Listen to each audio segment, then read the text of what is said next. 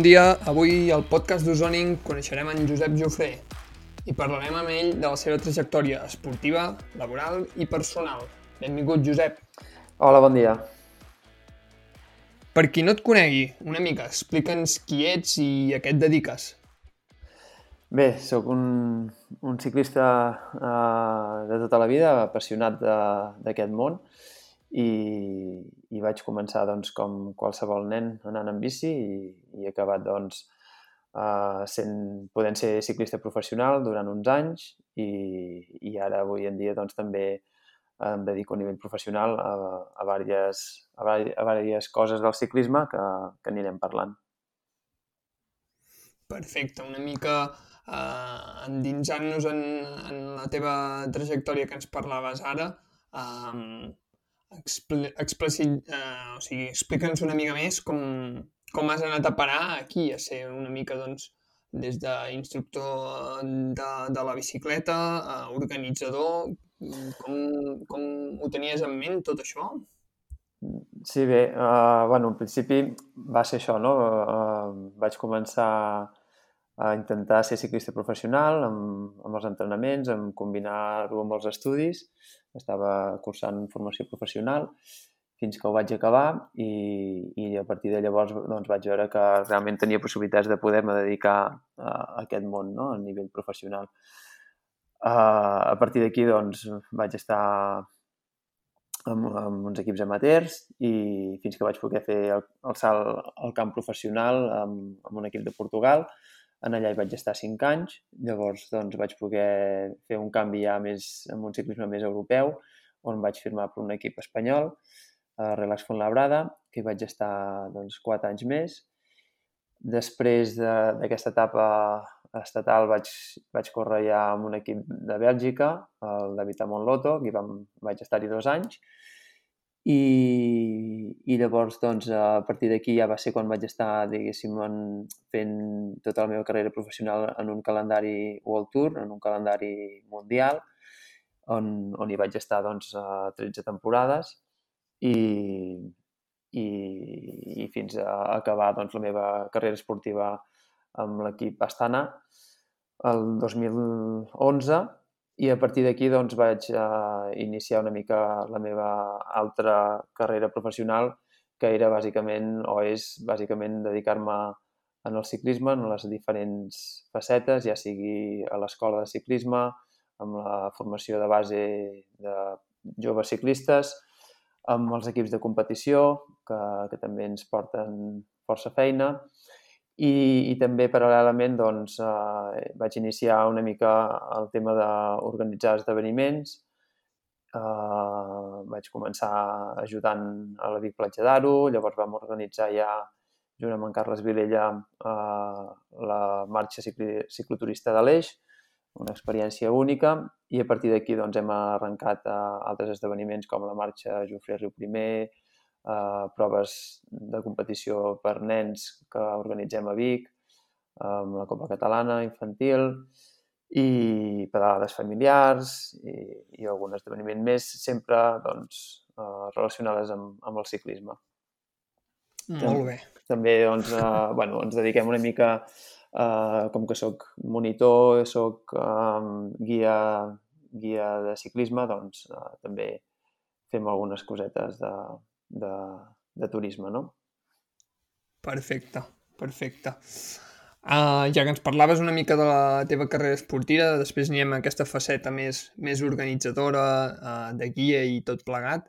Uh, un moment així, el moment més satisfactori de, de la teva carrera esportiva, que recordis? Sí, penso que, bueno, com segurament molts ciclistes joves i que volen ser professionals, eh, o molts aficionats veiem el Tour de França no? com una fita i una, i una meta important. Uh, també era, era això, no? Et vas marcant en la vida esportiva, et vas marcant petits objectius que puguis anar assumint, no? Però està clar que un dels somnis que té tot, tot ciclista és poder arribar a córrer al Tour de França i, i de fet uh, també ho era el meu i per sort doncs uh, vaig poder, vaig poder fer aquesta competició.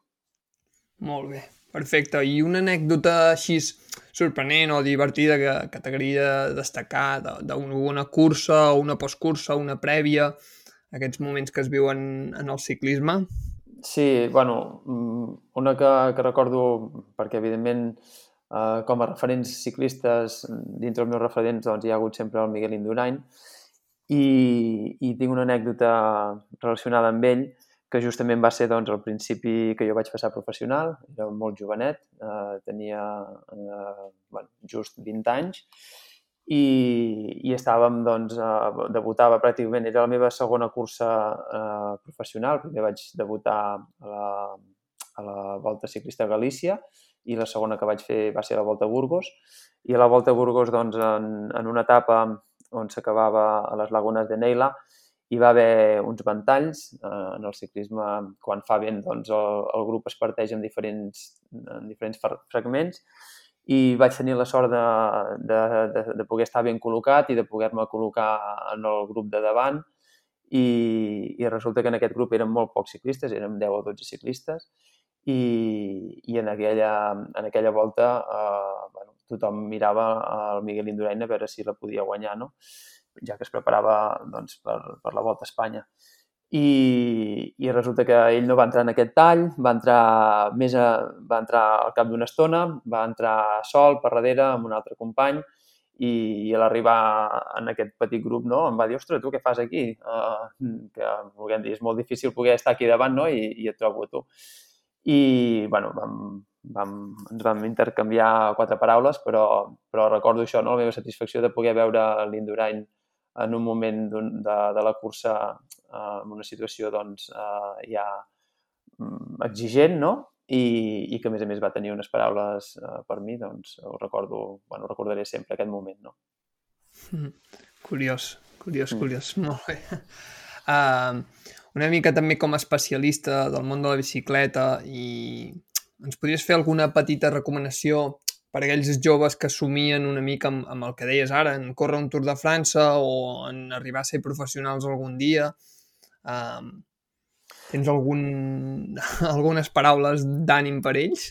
Sí, jo, jo crec que, que tot ciclista ha de, ha de fer valer els valors que, que té aquest esport, no? i concretament el ciclisme, i, i és molt important doncs, uh, uh, intentar fer bé les coses, esforçar-se molt, uh, ser doncs, uh, molt constant no?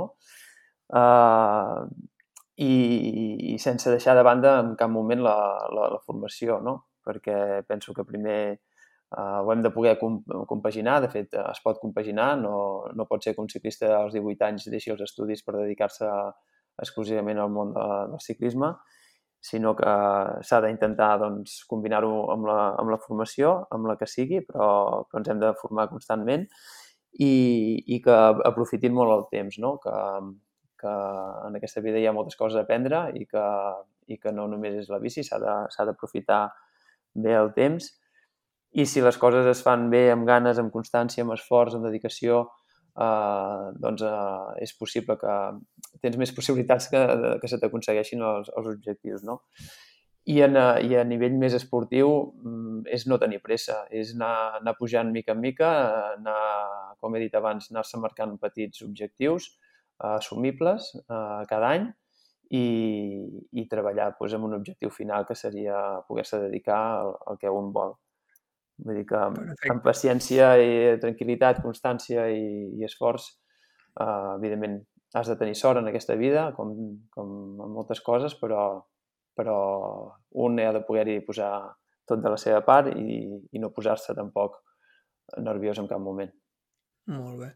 Molt bé, perquè tu amb, amb quants anys vas a, a arribar a ser professional per, per primer cop, mm, per dir una manera... Sí, bueno, per tenir una... als 20 anys. Uh, 20 anys. Sí, sí, els 20 anys acabats de fer va ser quan vaig fer quan vaig debutar, vaig debutar al mes de juliol, ai, al mes d'agost, a la Volta a Galícia de, de l'any 96. Molt bé. Molt bé, una mica... Ara ens parlaves de, de tema de valors a dintre de, de, del ciclisme. Uh, el definiries com un esport individual o d'equip? I, I una mica explica'ns per què. Bé, uh, a cada etapa dintre del món del ciclisme es treballa d'una manera mm, diferent, no? Perquè amb, amb un nano jove que comenci eh, amb menys de, de 15 anys és molt difícil eh, fer-li entendre no? que, que és un treball d'equip. Uh, ells ho veuen més com un treball individual, que si guanyen, guanyen ells i, i, i si perden, han perdut. No? Uh, vull dir, s'enfoca, a, la, a la base s'enfoca molt a, a nivell individual, tot i que nosaltres, uh, des de l'escola, que treballem amb, amb nanos joves d'aquestes edats, uh, el primer que els hi fem veure és que, que res s'aconsegueix sol, no? I en ciclisme tampoc, perquè al final si, si ells agafen cada vegada més, més nivell i estan més entrenats i, i ho fan més bé les curses, també és fruit de, de molts factors, no? No, no depèn només d'ells, depenen dels companys, depenen de la família, depenen dels seus entrenadors, de, depenen de, de moltíssima gent i això significa treball en equip. Llavors, eh, és evident que conforme ets ciclista i et vas fent més gran i, i estàs ja amb un equip amateur, semiprofessional i així, uh, i a professional ja no, ja no, ja no en parlem, evidentment eh, tot és molt, molt més professionalitzat i el treball d'equip de, real eh, es multiplica molt més, no?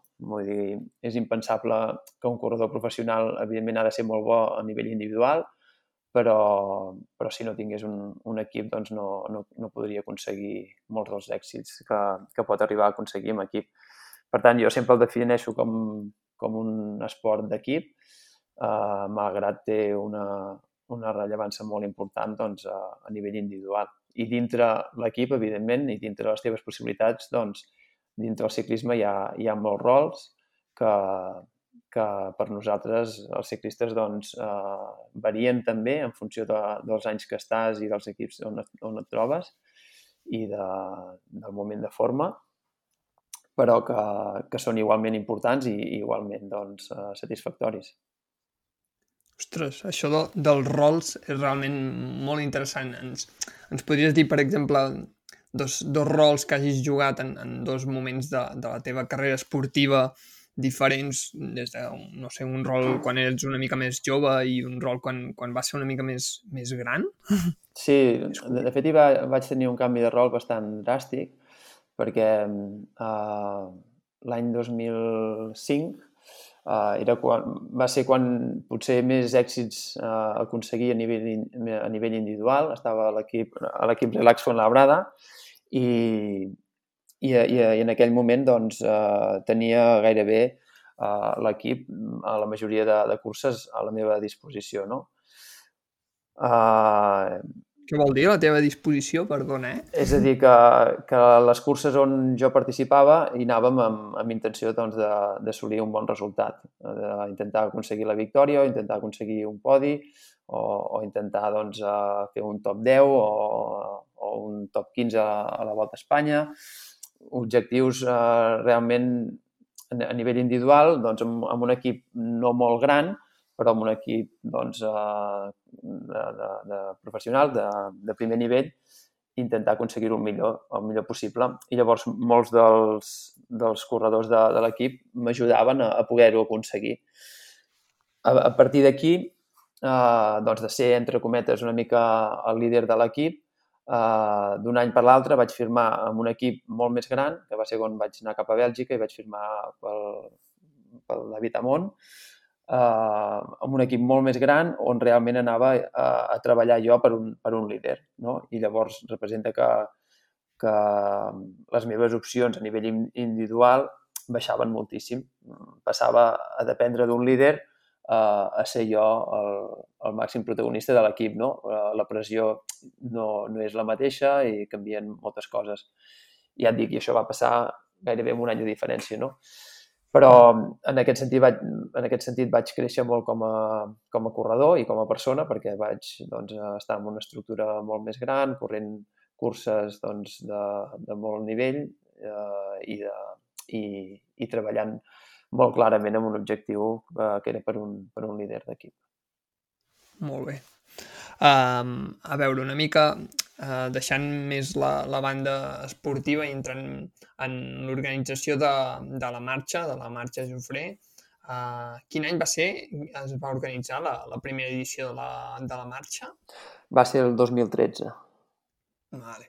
I una mica d'aquesta primera edició uh, a dia d'avui, uh, quins són els principals canvis que, que, que s'han fet uh, perquè, perquè fos possible que s'organitzessin uh, tantes edicions? bueno, bàsicament jo crec que el secret ha estat en, en l'equip de treball, no? que, en l'equip de treball i en, i en la participació. Però al final jo crec que les claus de la marxa eh, estan en, en la filosofia que, que teníem des d'un inici, que volíem doncs, eh, donar un, un, bueno, fer un esdeveniment eh, de bona qualitat, un esdeveniment on el participant es pensés molt en el participant, no? es pensés molt... bueno, teníem els ingredients, no? perquè eh, tenim la, la comarca d'Osona i comarques de voltants tenim molt bons recorreguts per la pràctica del ciclisme. Eh, teníem els ajuntaments que, que ens recolzaven, sobretot el de Sant Olai de Riu Primer i eh, l'Ajuntament de Vic, i, i també teníem un, un gran, un gran equip de, de persones, no? Eh, el Pedala Pedala de, de Riu Primer, que, que ja tenien també experiència organitzant doncs, la seva BTT, eh, companys eh, individualment, com en Carles Virella, que va ser un dels, dels, que, dels que primer em van eh, acompanyar en, en aquest món dels esdeveniments, de l'organització dels esdeveniments. I, i, i això doncs, eh, ha fet que, que cada vegada puguem estar més coordinats entre tots, que cada vegada doncs, eh, bueno, tinguem aquest, aquesta experiència per poder anar millorant i, i puguem doncs, eh, dur a terme un esdeveniment ja doncs, eh, aquest any passat amb, amb prop de mil persones i que, i que funcioni tot eh, correctament. Perfecte. Um, una mica uh, has parlat doncs, de, de, dels, de diferents um, aspectes importants i ens agradaria que ens diguessis una mica com, com ha canviat l'esdeveniment o, o el ciclisme en aquest cas des de que es va um, començar a organitzar la, la marxa uh, doncs, uh, vist avui, vist uh, com es, es fan avui els esdeveniments o, o quines diferències hi, hi han? Bueno, a, a nivell logístic de, de la marxa és, és, el, és el que més ha canviat, no? perquè al principi doncs, érem 300 ciclistes i vam acabar amb 1.000. Llavors, la logística, sobretot, no, no és la mateixa. Uh, la resta, bueno, més o menys uh, tot es va fent amb la mateixa filosofia, ja et dic, i, i, i l'únic que, que canvia, sobretot, és, és la coordinació entre, entre tots els implicats, no? I, i l'experiència que anem adquirint doncs, fa que, que, que vagis millorant en aquest sentit. A, a nivell de, de l'esdeveniment de la marxa és una mica, és una mica això. Vale. I a, ni, a nivell potser més tecnològic o, o així, heu implementat alguna, alguna millora o alguna millora que, que el mercat us hagi portat a fer? En referència a la marxa cicloturista, no, no hi ha grans millores. Al, al final estem donant un servei que des de l'inici a nivell tecnològic donàvem, que era un cronometratge, eh, servei fotogràfic, ara es poden penjar les fotos... Eh, bueno, mm, no, perquè al final molt, molt, molt semblant. En, en el ciclisme en general sí que ha canviat molt la tecnologia a, a nivell doncs, eh, professional, a nivell organitzatiu d'esdeveniments, eh, petits esdeveniments com els, el que fem nosaltres no, no, és, no, no hi ha grans canvis. Vale. Uh, I finalment, i, i tancant el tema de, de la marxa, uh, com t'imagines la marxa d'aquí cinc anys o, o d'aquí sis? Uh, creus, creus o, tens el, o teniu algun objectiu d'anar cap, a, cap a algun lloc? Bueno, la, la nostra marxa sempre l'hem definit això amb un format petit. Creiem que eh, més de 1.000 persones no, no és el nostre objectiu, per tant, per tant, a nivell de participació ens agradaria poder tenir aquestes 1.000 persones cada any, eh, que puguem oferir doncs, els serveis que, que oferim de, de qualitat i, i de, bueno, i, i d'estar bé, eh, que se senti doncs, el participant molt, molt a gust i, i haurem de veure, no? perquè en la situació que, actual que estem eh, és molt complicat eh, aquest tema dels esdeveniments i, i haurem de, de veure si, si ens canvia la forma, la forma de fer i la forma de treballar per poder realitzar aquest tipus d'esdeveniments. Fins ara, doncs, eh, són multitudinaris, s'ajunta molta gent, eh, nosaltres fèiem una sortida tots alhora, per tant, bueno, eh, s'acumulava força gent en moments puntuals i això potser haurà d'anar canviant. Llavors, eh, a nivell organitzatiu volem mantenir el format que, que, que fèiem fins ara, adaptant-lo a les noves mesures que hi puguin haver, però a nivell de participació, a nivell de qualitat, a, a nivell de, de satisfacció del participant, eh, doncs mantenir el que tenim. Vale. Vale. Uh, anem, anem acabant uh, una mica uh, i entrant més en, en el territori on estem, uh, que com bé has dit doncs és un territori idíl·lic per la, per la pràctica esportiva i, i en aquest cas doncs, en, en el ciclisme uh, et trobes amb paisatges uh, increïbles, doncs, uh, únics. Uh, una mica ens podries dir quin és el teu indret idíl·lic de, de la comarca d'Osona i què el fa especial aquest indret?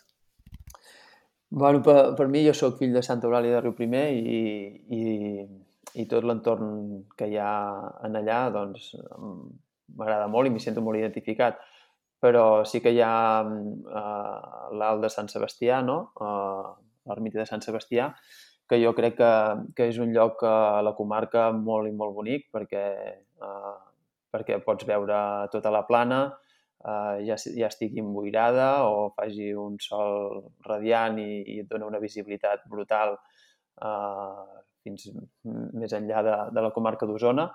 Uh, pots visualitzar el, el Montseny, que és un altre lloc doncs, molt, molt bonic, que, que tenim molt, molt proper, i, i estàs en, en una posició alta, no? I sempre doncs, pujar muntanyes i arribar a un cim i això doncs, també et dona una satisfacció personal i per tant crec que, que l'ermita de Sant Sebastià, eh, a part de tota la història que, que, que ha tingut no? en, en aquest indret, doncs eh, penso que és un lloc realment que si algú ve a Osona de, hauria de poder visitar, no? Perfecte. Uh, I finalment, uh, una mica per, per aquells que, que us vulguin seguir, tant l'escola, la marxa o tot el que organitzeu, uh, on, on us poden trobar? Uh, i una mica saber totes les organitzats, totes les activitats que, que organitzeu, en quines xarxes o, o us poden trobar. Uh, bé, nosaltres com a organitzadors i, i, i, tot, i tot, el que, tot el que fem ho fem sota el paraigües del Club Natació Viquet TV. Uh, és, és, un, és un club de natació, un club de triatló, un, un bueno, uh, seccions de, de running, d'aigües obertes, uh, i ara també doncs, de, des de fa uns anys amb, amb ciclisme. I, I a partir d'aquí, doncs, a la pàgina web de, de Club Natació Viquer TV hi ha informació de, de, de la nostra secció de ciclisme i també d'una forma més específica a totes les xarxes socials de Jofre Cycling, eh, tant a Instagram com a, com a la web o Facebook, Twitter, doncs també hi som presents i, i, uh, i ens podeu trobar doncs, en aquí amb, amb totes les diferents uh, bueno, coses que fem, no? Plataformes, vale. Sí. Perfecte. L'escola és a Vic només? Teniu algun... Sí, bueno, no, tenim, treballem amb diferents, amb, amb diferents bueno, uh, clubs també, uh, perquè tenim, uh, bueno, assessorem, diguéssim, una mica a altres escoles, com pot ser l'Escola de Ciclisme de Manresa o l'Escola de Ciclisme de la Garriga. També fem alguna activitat extraescolar eh, a Roda de Ter o, o Aigua Freda.